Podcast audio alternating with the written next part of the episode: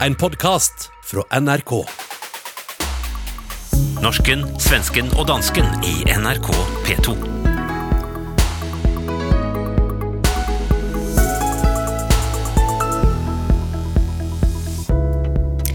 Velkommen til Norsken, Svensken og Dansken, et pan-skandinavisk talkshow der vi fritt og uafhængigt kan sladre om hvad som egentlig sker der hjemme. Som sist har jeg med mig også Hassan Preisler i København. Hej Hassan, hører du mig? Ja, det gør jeg. Hej, hej. Hej og hej Åsa Linderborg i Stockholm. Hej. Fra Bergen, Hilde Sandvik altså. De gamle skandinaviske hovedstedene her altså. Eh, I dag begynder jeg som sist med at rett og slett høre lidt om eh, hvad dere har gjort den sidste uken. Og Hassan, hvordan har uken været? Jamen, øhm, det har sådan set været en meget fortvivlende uge. Øh, jeg har fået, jeg ved ikke om I har det samme, men i Danmark har vi noget, der hedder e-boks. Det er der, vi modtager breve fra staten. Ah, Øh, så det er en digital postkasse, ja. som øh, er øh, kommunikationsmidlet mellem dig som borger og din stat. Mm. Øhm, og det betyder jo, at hver gang det siger pling fra e-boks, så begynder ens hjerte at banke hårdt. øhm, jeg har fået min forskudsopgørelse fra skat. Forskudsopgørelsen, det er beskrivelsen af, hvad jeg skal betale i skat i år 2020, altså til næste år. Mm. Og det er jo øh, noget, der sker for mig hver eneste år. Men samtidig med, at jeg modtager den her forskudsopgørelse i år, så læser jeg i avisen, at den danske skattestyrelse endnu en gang er blevet afdækket i at have mistet en halv milliard kroner i denne måned. Oh.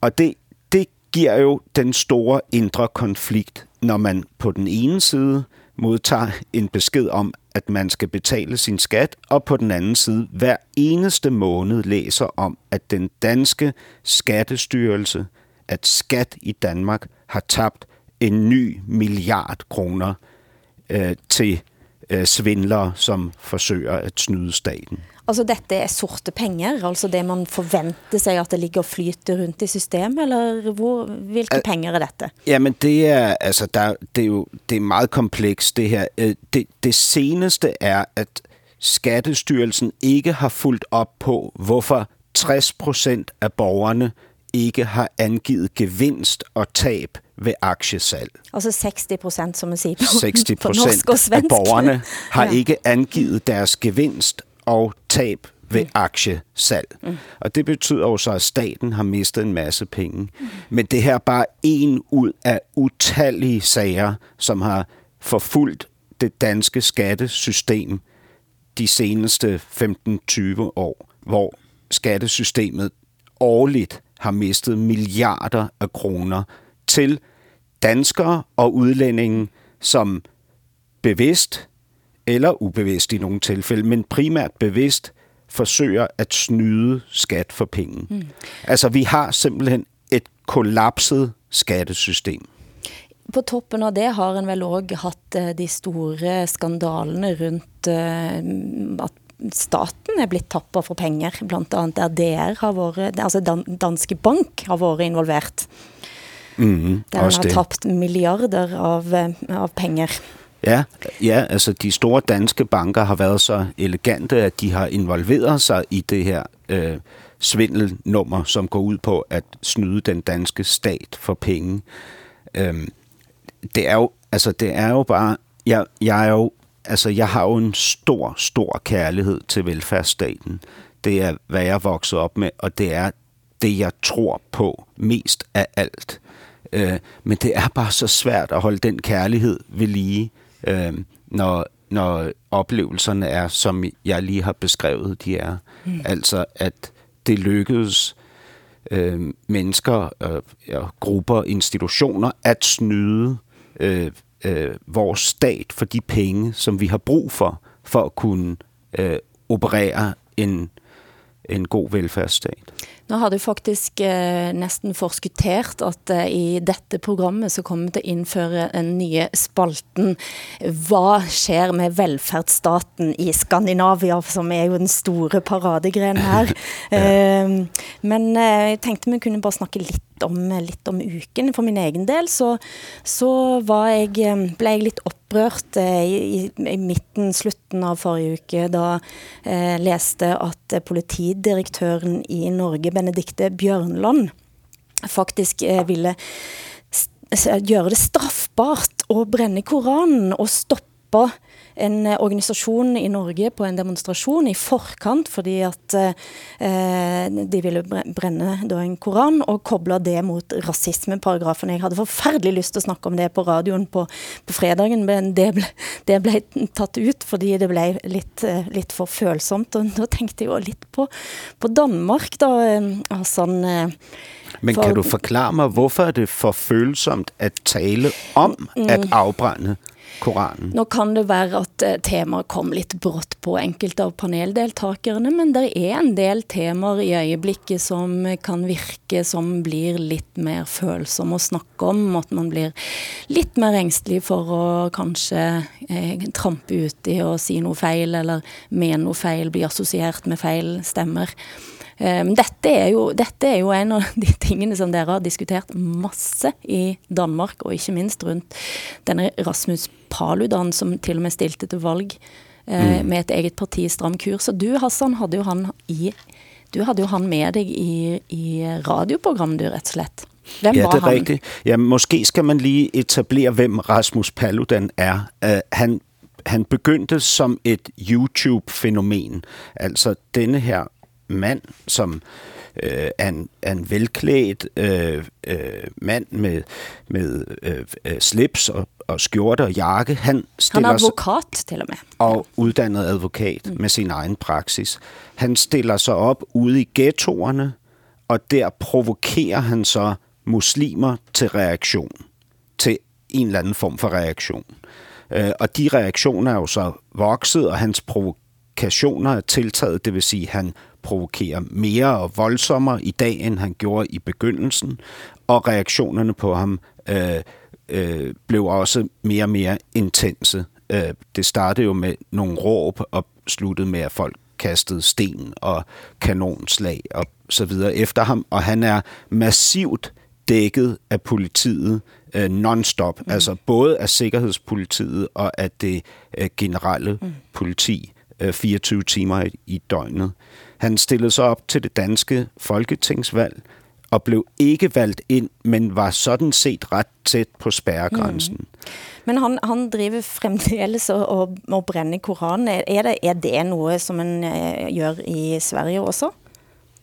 Nej, eh, det gör vi inte, men jag tycker att det ska vara tillåtet såklart. Mm. Eh, jag tycker det är lite barnsligt att bränna grejer där. Jag minns, I min ungdom så har jag bränt eh, amerikanska flaggan, stjärnbaneret jag har bränt upp. Ah, men utanför USAs ambassad. Ja, ja, Ganska barnsligt kan jag tycka så här. Eh, men eh, det är klart att det ska vara tillåtet att göra det. Altså, min, min far har også brændt ting af i sin ungdom.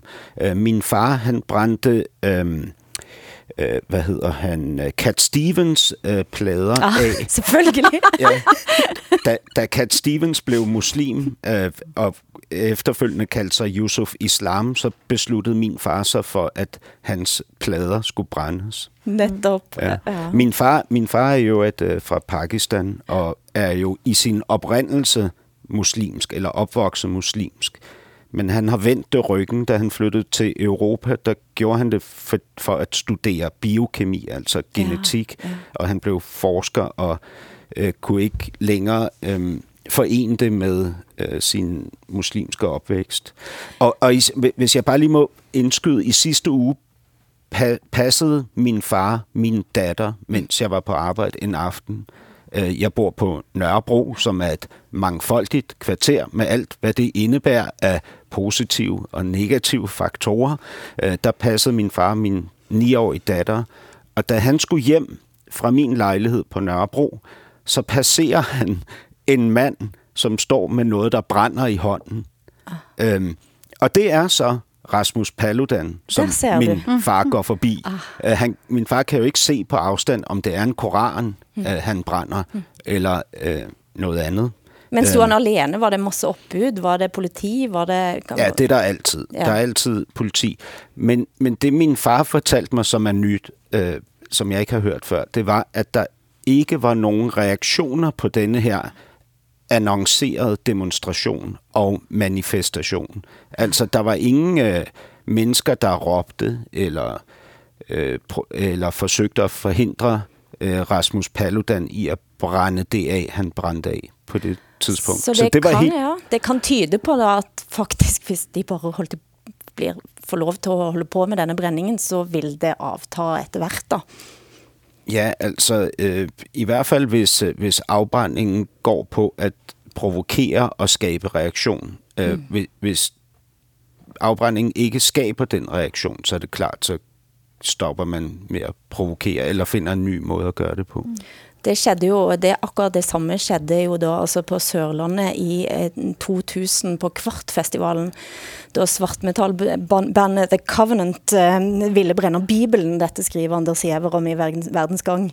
Eh, og det blev effektivt sabotert, og altså Black Debbath, som er et andet black metal band som kom op, og, og så brant rett og slett Stortingsproposition 82, landbruksmeldingen. Ja. Fordi at de var så misfornøyd med landbruksmeldingen, og det satte jo en fin stopper for bibelbrændingen, kan man sige. Det, det, ble, det, ble ikke så, det, ble, det ble ikke så mye bråk av etterpå. Men, Altså, ja. må, jeg, må jeg indskyde mm-hmm. noget? Øh, jamen, det, jeg, kom, jeg kom til at tænke på, I, I kender jo alle sammen øh, den her bog, der hedder Fahrenheit 451, altså Fahrenheit 451, mm. øh, som er skrevet af Ray Bradbury. Mm. Øh, det, er jo en, det er jo en bog, hvor øh, staten brænder bøger. mm, Øh, altså, staten beslutter sig for at brænde bøger. Men jeg, jeg har for nylig læst et interview med Ray Bradbury, hvor han siger, at det er faktisk en fejlfortolkning af hans bog. Fordi det er ikke en bog, der sådan set skal adressere statskontrol. Det, den adresserer, det er et samfund, som er sat sammen af så mange minoriteter, der ah. alle sammen føler sig krænket over bestemte ord og sætninger og vendinger øh, og formuleringer, at de kræver bøgerne censureret. Og til sidst er der så lidt tilbage inde i bøgerne, at ingen læser dem, mm. og derfor siger staten, jamen så kan vi jo lige så godt brænde de bøger. dette spiller jo næsten ind i noget af det, du sa i et interview med Vikenavisen eh, nå i helgen, Åsa Linderborg, der, der du snakker om ja, venstresiden og identitetspolitikken i Sverige. Mm. Eh, jag har inte läst själv den där intervjun som jag tydligen har gjort, eller gett. Men eh, ehm, eh, så jag, ja, jag vågar inte veta riktigt hur jag blivit tolkad eh, när jag har pratat. Men eh, visst, det är identitetspolitiken, eh, den, har, den är väldigt stark i Sverige och, och den har splittrat upp vänstersidans eh, på ett sätt så att det råder inbördeskrig nästan mm. inom vänstern om, om den frågan. Vad var det du sa till Vikenavisen då? Du husker kanske du har sagt. Nej, men vi pratade en timme, jag minns inte riktigt vad, vad jag sa. Men eh, det är klart att Sverige är ett intressant land Ja, att det titta är- på det är nu. det. Det är, det är ju politisk kaos här. Och, Men du har den siste uken, i tillegg til å gi intervju til Vikenavisen, så har du vært i rettssalen. Eh, Hvorfor har du vært der? Ja, eh, det är en, en mediahistorisk rättegång som jag har varit på. Det är rättegången där Fredrik Virtanen... Og hvem er det? Det var den första mannen i Sverige som blev offer för metoo. Eh, 16 oktober 2017 så blev han anklagad för att vara en våldtäktsman. Och kvinnan som anklagade honom för det heter Cissi Wallin. Och Virtanen jobbade på Aftonbladet. Eh, Der jag du var kultursjef, sant? Ja, just det. Han, Alltså en, en arbets eller jobbkollega, men jag kände honom inte privat. Men eh, så startade metoo i Sverige och Fredrik Virtanen blev av med sitt, sitt jobb och han är nu arbetslös. Och vad han då har gjort är att han, han eh, polisanmälde Cissi Wallin och åklagaren har då väckt åtal om grovt förtal. Mm. Och den två år efter att det här hände då så blev det, kom det upp i, i rättssalen. veckan. Altså han har, det er sånn at staten på vegne av han har da anklaget Sissi Wallin for å ha kaldt han for en voldtektsmann, Just uten at det forelå noe dom, eh, eller noen, eh, det fantes ingen sak i politi, Mm. Eh, hos politiet. Nej, precis. Alltså den här våldtäkten ska ha skett 2006 och eh, eh, fem år senare så polisanmälde Cissi Wallin Fredrik Virtanen och eh, polisen startade en förundersökning och de la ner i brist på bevis. Och eftersom vi lever då i en rättsstat så, ehm, så måste han ju betraktas då som oskyldig. För så, så ser ju liksom rättssamhället ut. Men hon eh, namnger honom ändå och eh, han blir av med sitt jobb. Og det man siger om Sissi Wallin er at hun har en stor Instagram-profil med 100 000 følgere, eh, og denne opplysningen den, spres, den tas op og spres ytterligere til gjennom blandt andet Camilla Läckberg og Mia Schäringer, en krimdronning og en kom, komiker, eh, ganske raskt.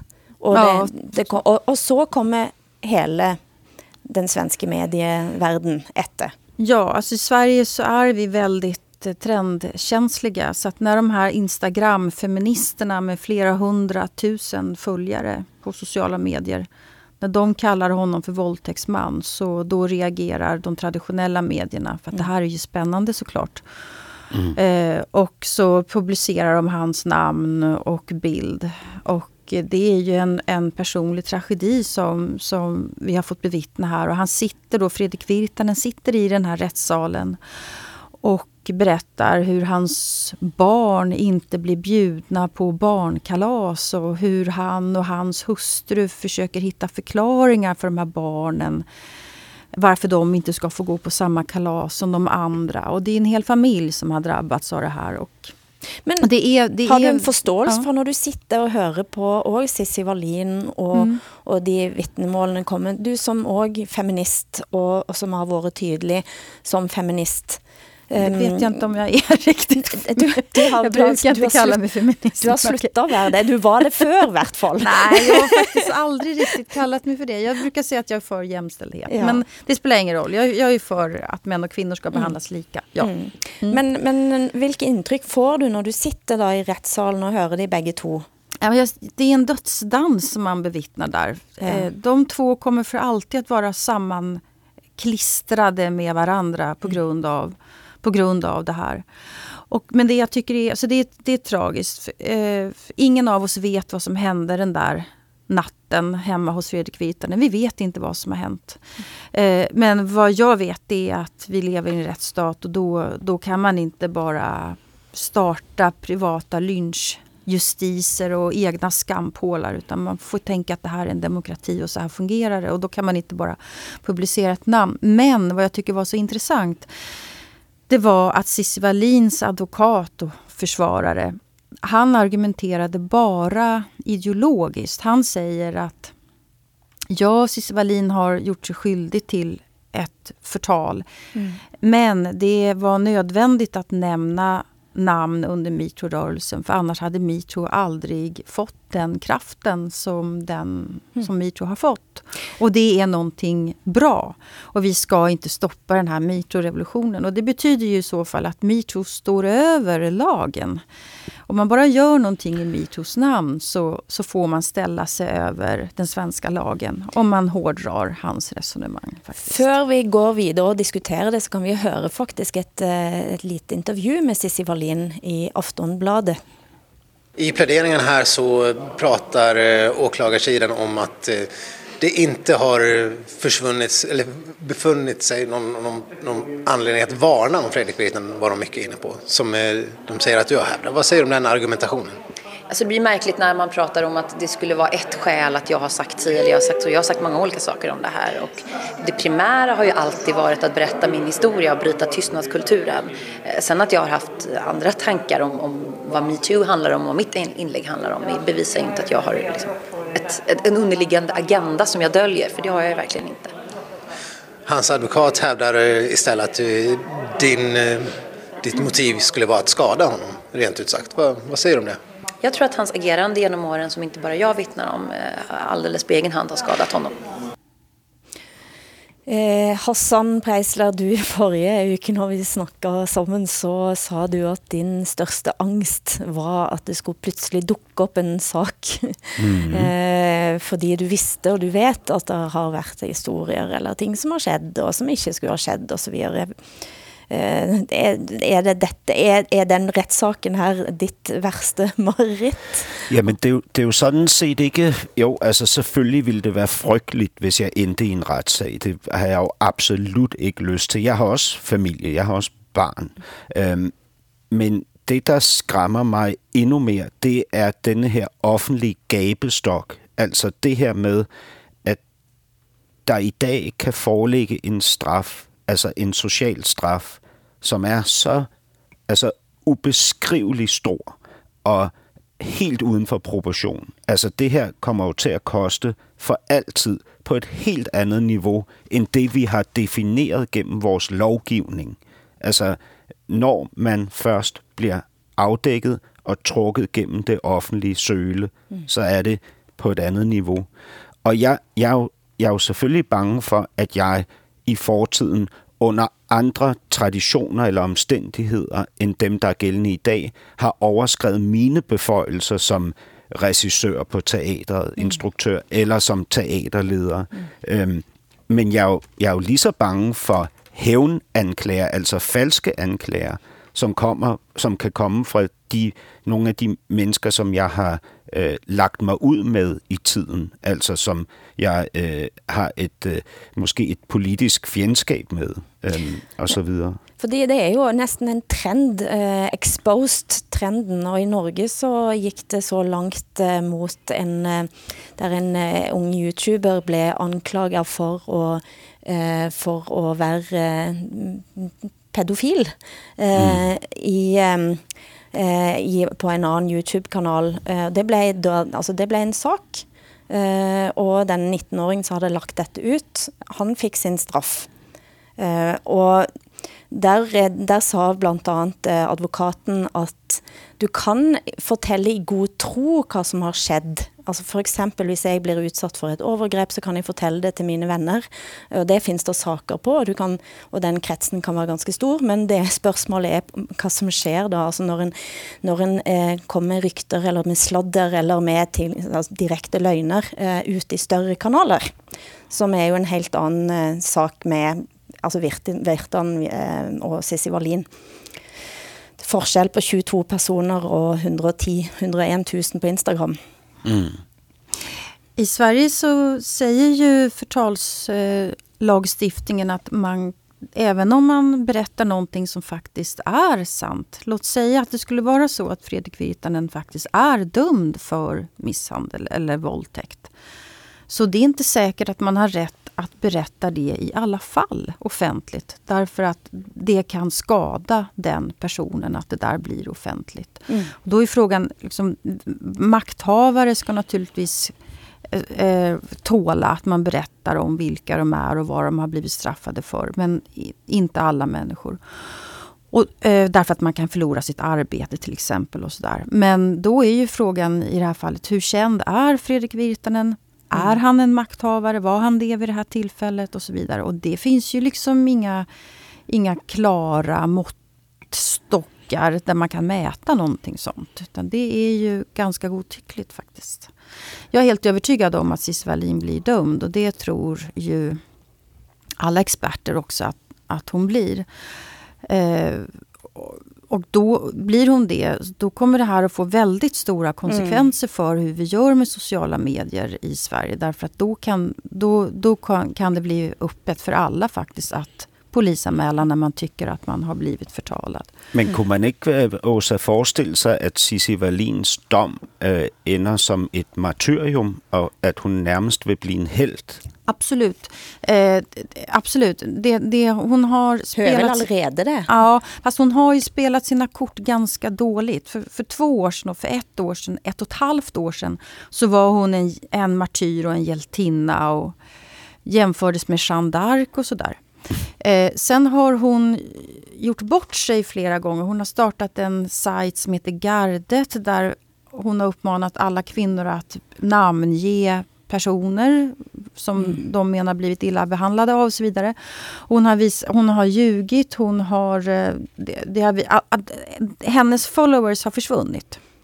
Eh, och det märkte man nu också utanför rättssalen. Hon, hade, hon, hon vill, uppmanade massa kvinnor att komma och demonstrera mot Fredrik Virtanen när det var rättegång och ingen kom och gjorde det. Så att hon, har, hon har spelat sina kort väldigt dåligt. Har hon gjort. Eh, vi skal høre om flere som har spilt sine kort dårlig, men først er dette. Norsken, svensken og dansken i NRK P2.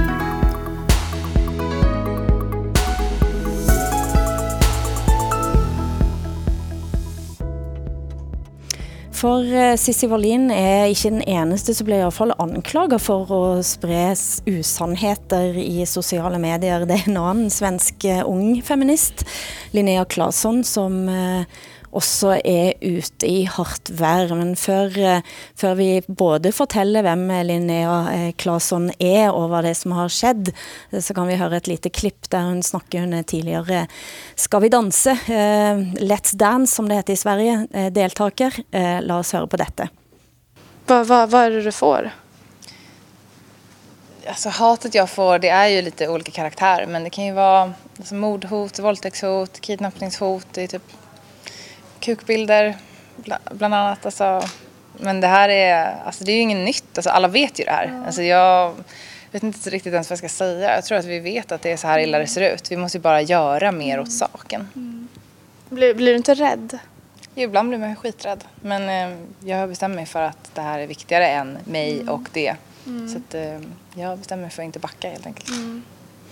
Her hører vi altså Linnea Claesson som eh, beskriver det hun har mm, fått av trusler, men eh, nå stilles det egentlig litt spørsmål ved om hun egentlig fikk disse eh. Hva Ja, det är ju både etablerade journalister men också så här unga, unga eh, poddare, vad ska säga, unga människor som, som är intresserade av sociala medier och sådär som har grävt fram att, att eh, hon inte alls har fått så här många dickpics till exempel som hon påstår och de har hittat dickpics som hon har tagit från bögporrsajter och Og Hvordan har de klart det? For det lurte jeg på. Nej, det, jag vet inte. Jag vet inte. Men det här är ju ett problem därför att hon har så väldigt, väldigt många unga kvinnor, eh, tonårsflickor som ser upp till henne. Eh, och sen så visar det sig att hon har gjort big business eh, på ett lidande som faktiskt inte eh, stämmer, som inte är sant. Och det är ganska fräckt mot, eh, mot de som faktiskt upplever hat och hot. Eh, det är väldigt många kvinnor som gör det och väldigt, väldigt många kvinnor, också män, som utsätts för sexuella trakasserier. Och sen så ljuger hon om det hon har varit med om och det ser förjävligt ut faktiskt.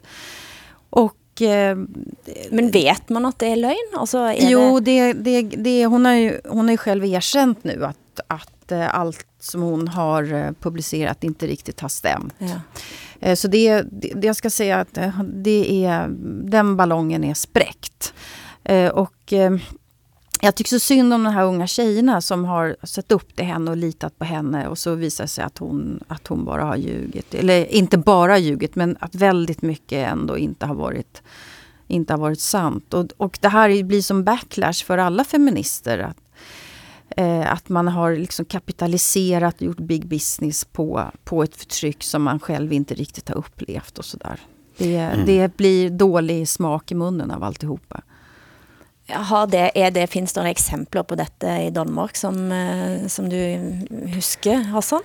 Ja, desværre. Altså, øhm, nu, nu øh, vi, vi, vi skal jo være ærlige. Det her det er jo vores pan-nordiske terapigruppe, hvor, hvor, vi kan, hvor vi kan berette om uh, vores dysfunktionelle familie, men vi er jo også nødt til at være ærlige omkring vores egen dysfunktionalitet. Mm. Og jeg har som øhm, regissør lavet en cabaret, der hed Perker Cabaret. Perker, det mm. er det danske ord for, jeg tror på svensk hedder det blatter. Blat, mm. Blatter Cabaret. Ja. Uh, I altså, Norge kan du sige pakkis. Pakkis Cabaret, mm. ja.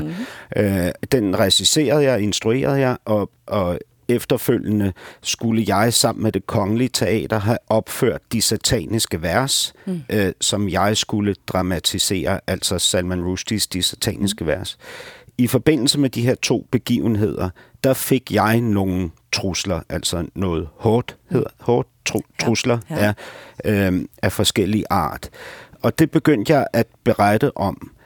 Og der kunne jeg mærke, hvor stor fokus der kom på mig. Mm. Hvilken held jeg på ingen tid kunne op opbygge mig selv til at være ved at formulere mig præcis som Linnea øh, gjorde mm. her. Ikke? Mm. Altså hun siger, ja, indimellem blev jeg skide bange, men jeg valgte at stå fast, fordi det her er vigtigt for mig. Ja. Det var det samme, jeg sagde. Ja. Men truslerne var jo på en eller anden måde, dem jeg modtog, var ikke i niveau og alvorlighed nok, så jeg begyndte at bygge på. Mm. Jeg begyndte at skabe trusler, altså formulere sætninger, som aldrig var blevet formuleret, osv. Og, og det voksede simpelthen, uden at jeg egentlig havde et blik på det. Ja. Heldigvis så blev det ikke en kæmpe stor mediehistorie, fordi så ville jeg ikke vide, om jeg ville ture sidde her i dag og mm. fortælle ærligt om, hvad jeg gjorde. Men du gjorde Men, det til folk, som du kendte? Og, og ja, lidt også det. lidt til nogle artikler og sådan, ja, ikke? men der ja. var ligesom ikke nogen, der greb det og byggede det op. Mm. Uh, og det er jeg meget glad for i dag, fordi uh, det er jo frygteligt at gøre det, men jeg må, jeg må også sige, at jeg jeg forstår mekanismen ret godt, fordi mm. det er forførende, når man kan træde over det sted, hvor alle tænker, at man er det tapreste menneske i verden. Mm. Mm. Åsa, du har jo faktisk levet med politibeskyttelse, du. Nå, alltså jag har haft säkerhetsfönster i min eh, bostad och eh, larmknappar och eh, det var två attentat som var planerade mot min bostad för några år sedan och ett mot ett attentat mot Aftonbladet. Med Men känner du igen den, eh, den, den, følelsen ja, som, alltså som jag, jag har varit rädd. Eh, och jag har... Saken är den att när jag är, har varit som räddast, då har jag inte pratat om det. Mm. Men sen eh, när hoten har lagt sig lite, då kan jag prata om det. Och jag så att ibland har jag underdrivit och ibland har jag överdrivit för att jag eh, har haft ett behov av att prata om det. Och då har jag nog märkt att jag har överdrivit hotbilden lite grann därför att eh, jag vill bli trodd. Mm. eh, men eh, jag måste säga att när jag hör Linnea Claesson säga att hon har fått hot om kidnappning och hon skrattar åt det, ja. så då... då eh, det låter inte trovärdigt helt enkelt. Nej, men altså, jeg kan, jeg kan, jeg kan også kende, kende igen dette bildet. Eh, eh, den følelsen du får når det kommer ting som er, jo, det er truende. Eh, det er voldsomt. Du kan bli lidt redd i øjeblikket, og så er det noget med netop, ja, men det blikket en får på sig etterpå. Mm. Uh, jeg husker jeg satt på en kveldsvakt en gang og fik en e-post fra en mand med fuldt navn, som skrev at uh, han, hvis, jeg havde no, hvis han havde været yngre, så havde ansigtet mitt været most til mm. det ugjenkjennelige på mm. dette tidspunkt. Mm. Og i først så, så blir, blir han jo lidt sådan, så ler han lidt. Mm. Og så kommer den der, oj shit, han, kanskje han mener dette, sant? Eh, men samtidig så er det også noget sådan, ja, men så stilig jeg er da. Jeg blir liksom lidt stiligere i offentligheten når jeg kan fortælle om det. Mm. Absolut. Och, och eh, jag märkte det. Jag, jag var ju den första i Sverige som skrev om hat och hot eh, som jag drabbades av. Och jag skrev därför att jag ville skapa en varningstriangel. Eh, därför att de var på min son. Nämligen. Mm. Så att, eh, då, ska, det, här är ett, det här är ett samhällsproblem. eh, rör inte min familj. Ungefär så. Mm. Eh, men jag märkte också att när jag skrev den här texten om hur många män som ville våldta mig och knulla mig analt och vad det var de ville göra. Så märkte jag också, märkte jag också att jag, jag skrev fram en bild av mig som ett sexobjekt. Ja. Mm. Som den, den sexiga bolsjeviken ungefär. Eh, och, och eh, jag, jag kände inte det då men så här några år efteråt så förstår jag ju att det egentligen var det jag gjorde. Titta vad åtråvärd jag är, att man till och med vill knulla ihjäl mig. Ja. Ja. ja. Så äh, men det är dubbelt det här, men samtidigt så är hat och hot mot, mot kvinnor, mot journalister, mot offentliga människor, politiker och så vidare, det är ju ett problem. Det är många som är rädda på riktigt. Och jag har en journalist, som en kollega, som har blivit utsatt för ett riktigt attentat. Mm.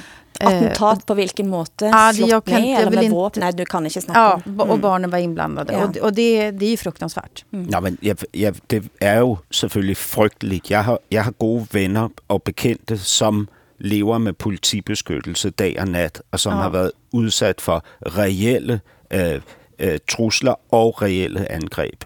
Øh, og jeg ved, at det er det er noget, der forandrer ens liv for altid. Mm. Så det, det er jo ikke på det niveau, jeg taler om det på. Jeg taler om det på det niveau, hvor det at ens offentlige image kan forbedres gennem mm. øh, narrativer, Exakt. at det, det er ekstremt forførende. Ja, altså det ekstremt forførende, mm. og meget, meget svært at mm. stå op imod. Ikke? Mm. Vi skal over på noget helt andet, som ofte heter på radio. Uh, Nemlig eh, programmet som heter i Danmark Vill med dans, eh, og som i Sverige heter Let's Dance, og i Norge Skal vi danse. Eh, og der skjedde det en liten mediehistorisk begivenhet eh, der også, eh, nå i i uken som var, så var det et, eh, en homofil mand, som danste med en mand ind i semifinalen, og la os høre, hvor glad han var etterpå. Hvordan vil I have det med, hvis I sætter verdensrekorden og bliver de første same-sex par, der ligesom vinder Vildmedans? Det vil være så Ej, prøv at, det ville være fedt. Det vil være helt ja. sindssygt. Prøv at tænke, øhm, ja. prøv at tænke, at man kunne få lov til at sprede det budskab ud om, at Danmark er så liberale, at, at her må man være fuldstændig, som man har lyst ja. til at være og, og man må leve, som man vil, og folk bakker op og øh, accepterer forskellighed. Det, det er jo for pokker, hvad vil det være... Det tør jeg slet ikke tænke på. Det vil, være, det vil være fedt. Det vil være fedt. Så kort kan det siges, det vil være ja. rigtig fedt. Dette var altså Jakob Farby og Silas Holst, eh, som var begge nok så stolte av at komme til eh, finalen. Hvad siger dette om Danmark, eh, Hassan? Jamen, det, det ved jeg jo ikke. Altså det, det, der er bem, altså, det, der er bemærkelsesværdigt i år, det er, at de tre par, altså, eller de tre ikke-dansere, som er i finalen, det er Jakob Fagerby, han er skuespiller og homoseksuel. Så er det Christoffer Læsø, han er skuespiller og sort, og KKO, hun er sangerinde og sort. Det vil sige, at vi har i finalen i Danmark i år 2019 to farvede, brune mennesker og et homoseksuelt menneske.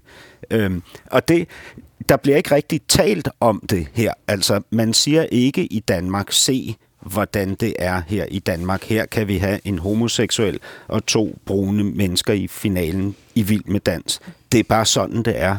Øh, og jeg har egentlig undret mig over, hvorfor vi ikke, øh, hvorfor vi ikke promoverer os selv igennem det her. Men på en måde synes jeg, at det er meget smukt, at vi ikke gør det. Øh, og derfor kan det også ærge mig lidt, at vi taler om det øh, ud fra denne her vinkel nu her i dag, fordi det burde jo bare være sådan, at mennesker kommer i finalen i Vild med Dans, fordi de er gode til at danse, eller fordi de er hammerne, charmerende mennesker, som man har lyst til, skal øh, have succes i livet. Ikke?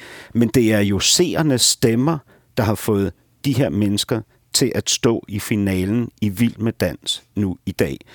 I Danmark, det lille racistiske øh, Danmark, det lille øh, nationalkonservative Danmark, der ser det faktisk sådan ud.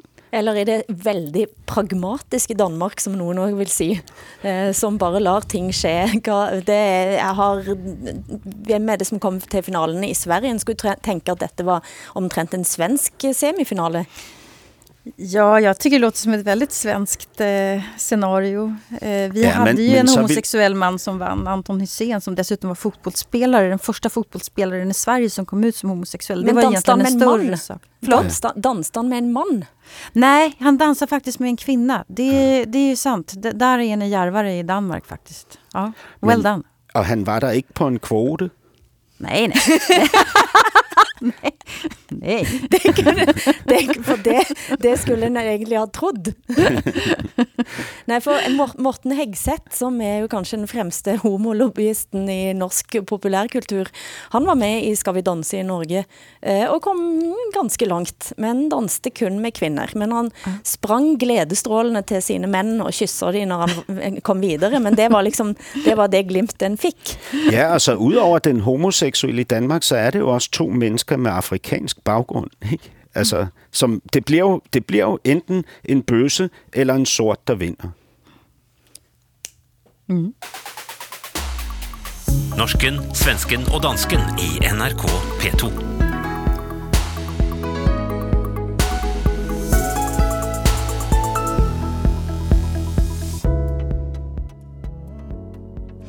Så over til den store skandinaviske paradenummeret Hvordan står det til med velfærdsstaten i dag?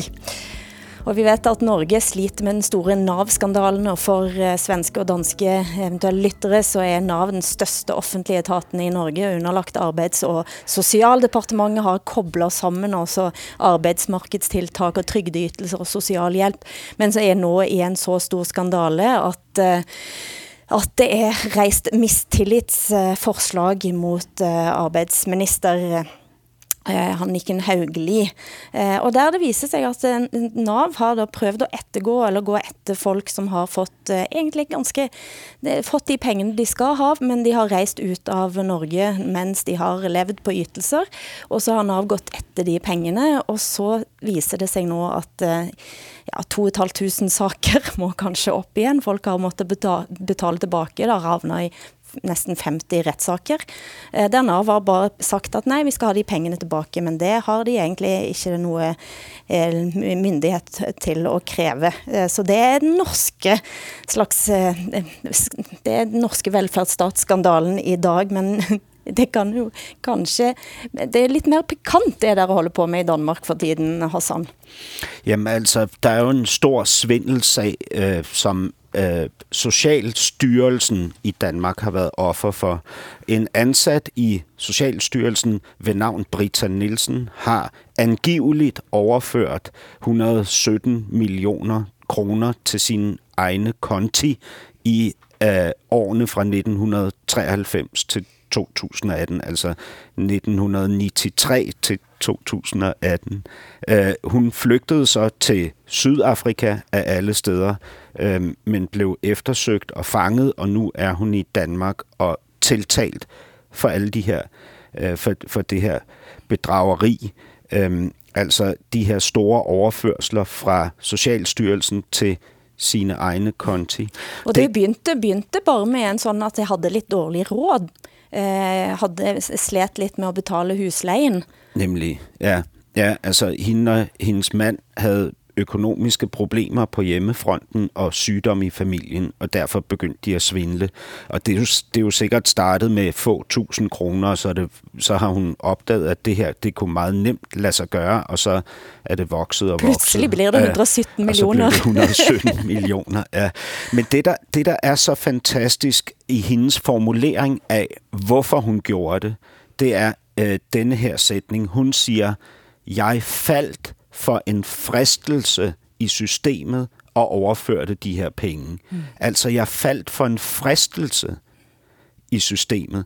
Det synes jeg er vildt, ikke? Ja. At systemet frister hende til at overføre de her penge. Ikke? det, det er ikke rart man ikke får inn skatten i Danmark, kan jeg tänka mig. Kan, ja. Ja. En fråga här. Menar hon att hon föll för en frestelse i välfärdsstatssystemet eller i datorsystemet? At i, Det måste ju vara det tekniska systemet Ja, som men, hon föll. men ja, det, jeg, jeg vil også tro, det er det ikke. Altså, fordi hun siger så, at hun ønskede, at kontrollen var bedre, og hun foreslog, at der skulle øh, hvad hedder det, være, være en, bedre, et bedre, en bedre kontrolinstans mm. øh, på det her tidspunkt. Og så bliver hun spurgt, jamen hvorfor var du interesseret i det? Det vil jo forhindre dig i at snyde.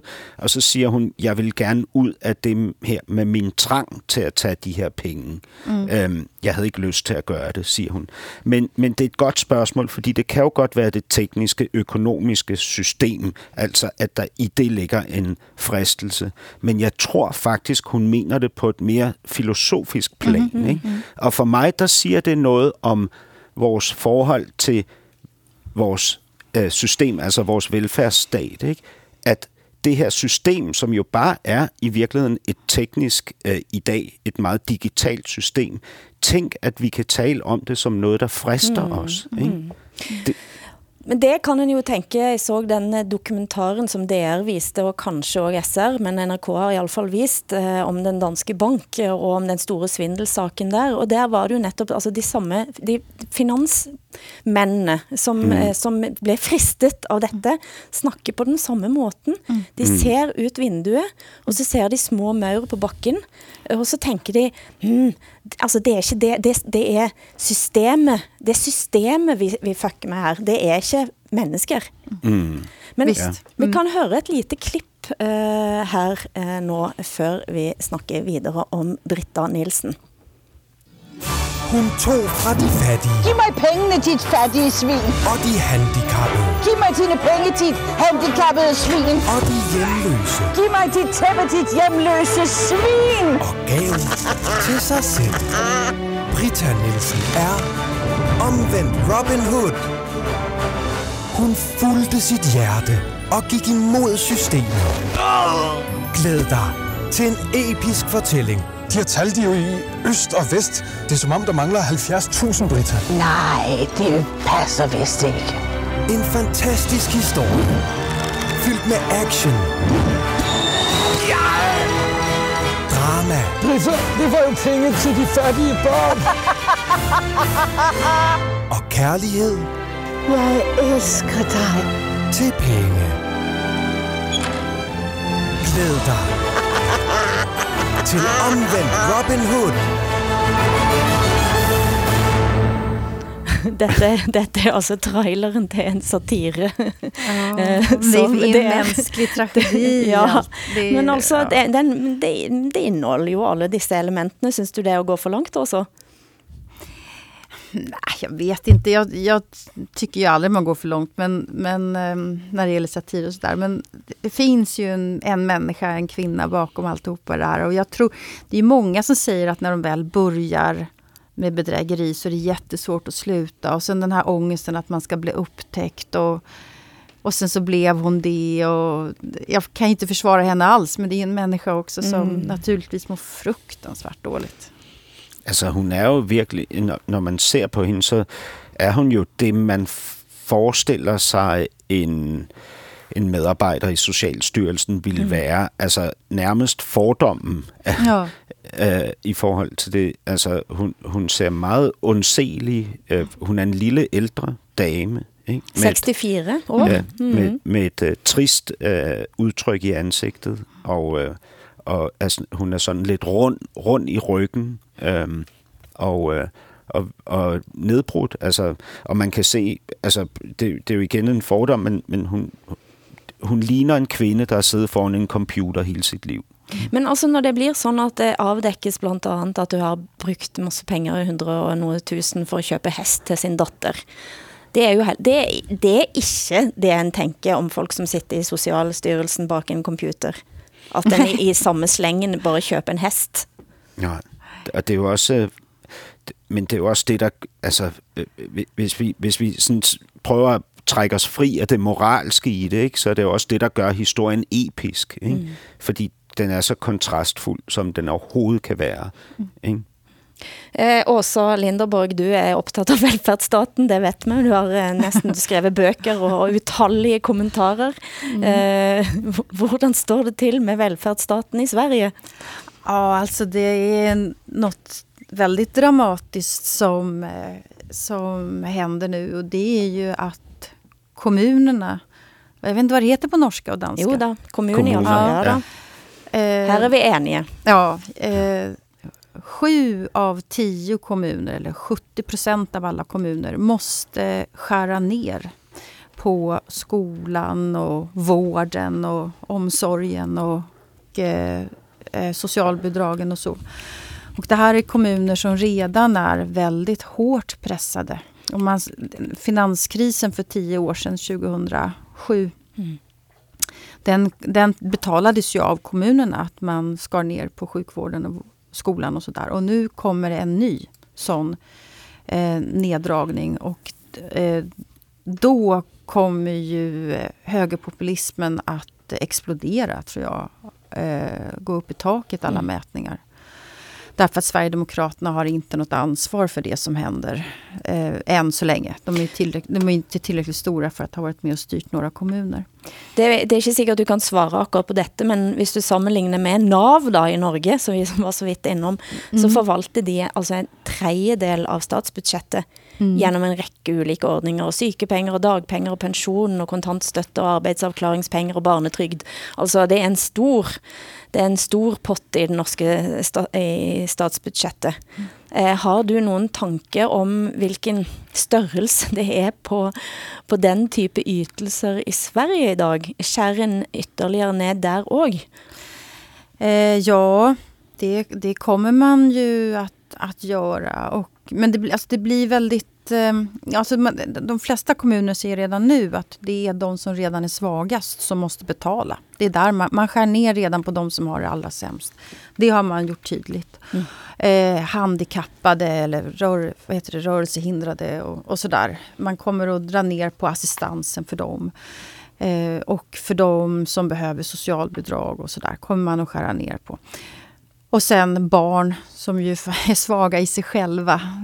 Kraftiga Vad- ner... vad kuttes där? Att på skolan kommer man att skära ner på personal och på läromedel. Och vissa skolor nu i Skåne så vill de dra in på... Vi har ju skollunch i Mm. Sverige. Eh, det tror jag inte ni har i Danmark, va? Eller? Mm, Og i hvert fall ikke i Norge enn så Nej, länge. det har jag absolut inte i Norge. Men, men eh, så att man ska ta med sig sina egna smörgåsar och sådär som för hundra år sedan. Och, eh, de stora sjukhusen i Stockholm, både Södersjukhuset och eh, Karolinska sjukhuset. Alltså Karolinska, ska, Karolinska sjukhuset och Universitetssjukhuset ska ta bort 600 tjänster. Mm. Eh, och det blir väldigt tydligt eh, när man ser de där siffrorna. Och, eh, folk blir förbannade men ingen vill betala mer i skatt heller. Så att det är någonting i det här som inte stämmer. Og det går vel heller ikke op med den regeringen, som man har i dag. Det er vel ikke så let for Stefan Löfven at få med sig for eksempel eh, Centern på mer, eh, mer skatt. Nej, det går inte. Han, han samarbetar ju med två partier som har en nyliberal ekonomisk eh, idé. Så att eh, mer, mer skatt som ju faktiskt behövs, det, det finns inte på dagordningen. Och då, då kommer ju Sverigedemokraterna framstå som, som något attraktivt eh, därför att deras lösning är, ja vad det nu är. Eh, Mm.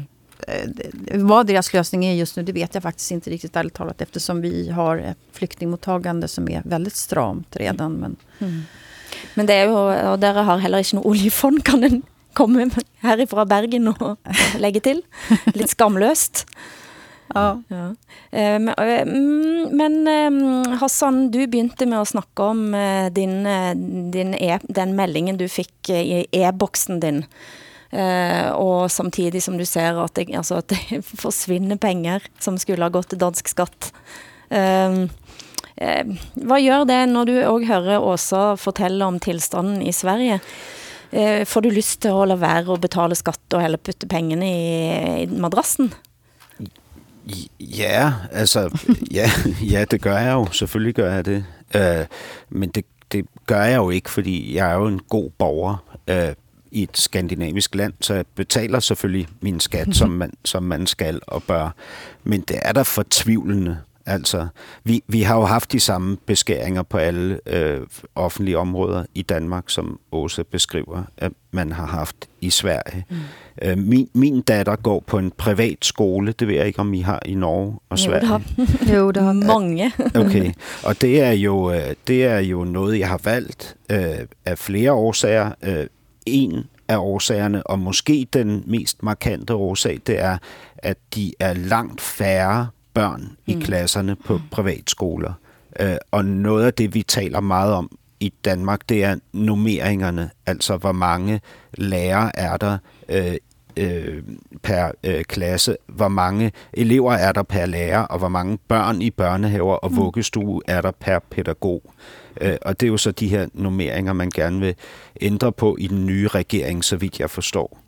Øhm, men, men altså, velfærdsstaten er der under pres. Det, det tror jeg alle er enige om, at den er. Ja.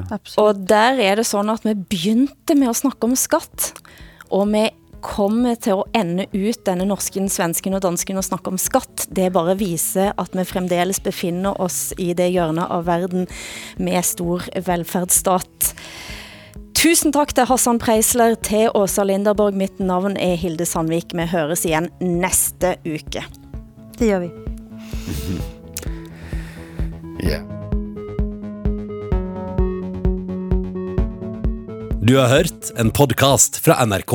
Hør flere podcaster og din favorittkanal i appen NRK Radio.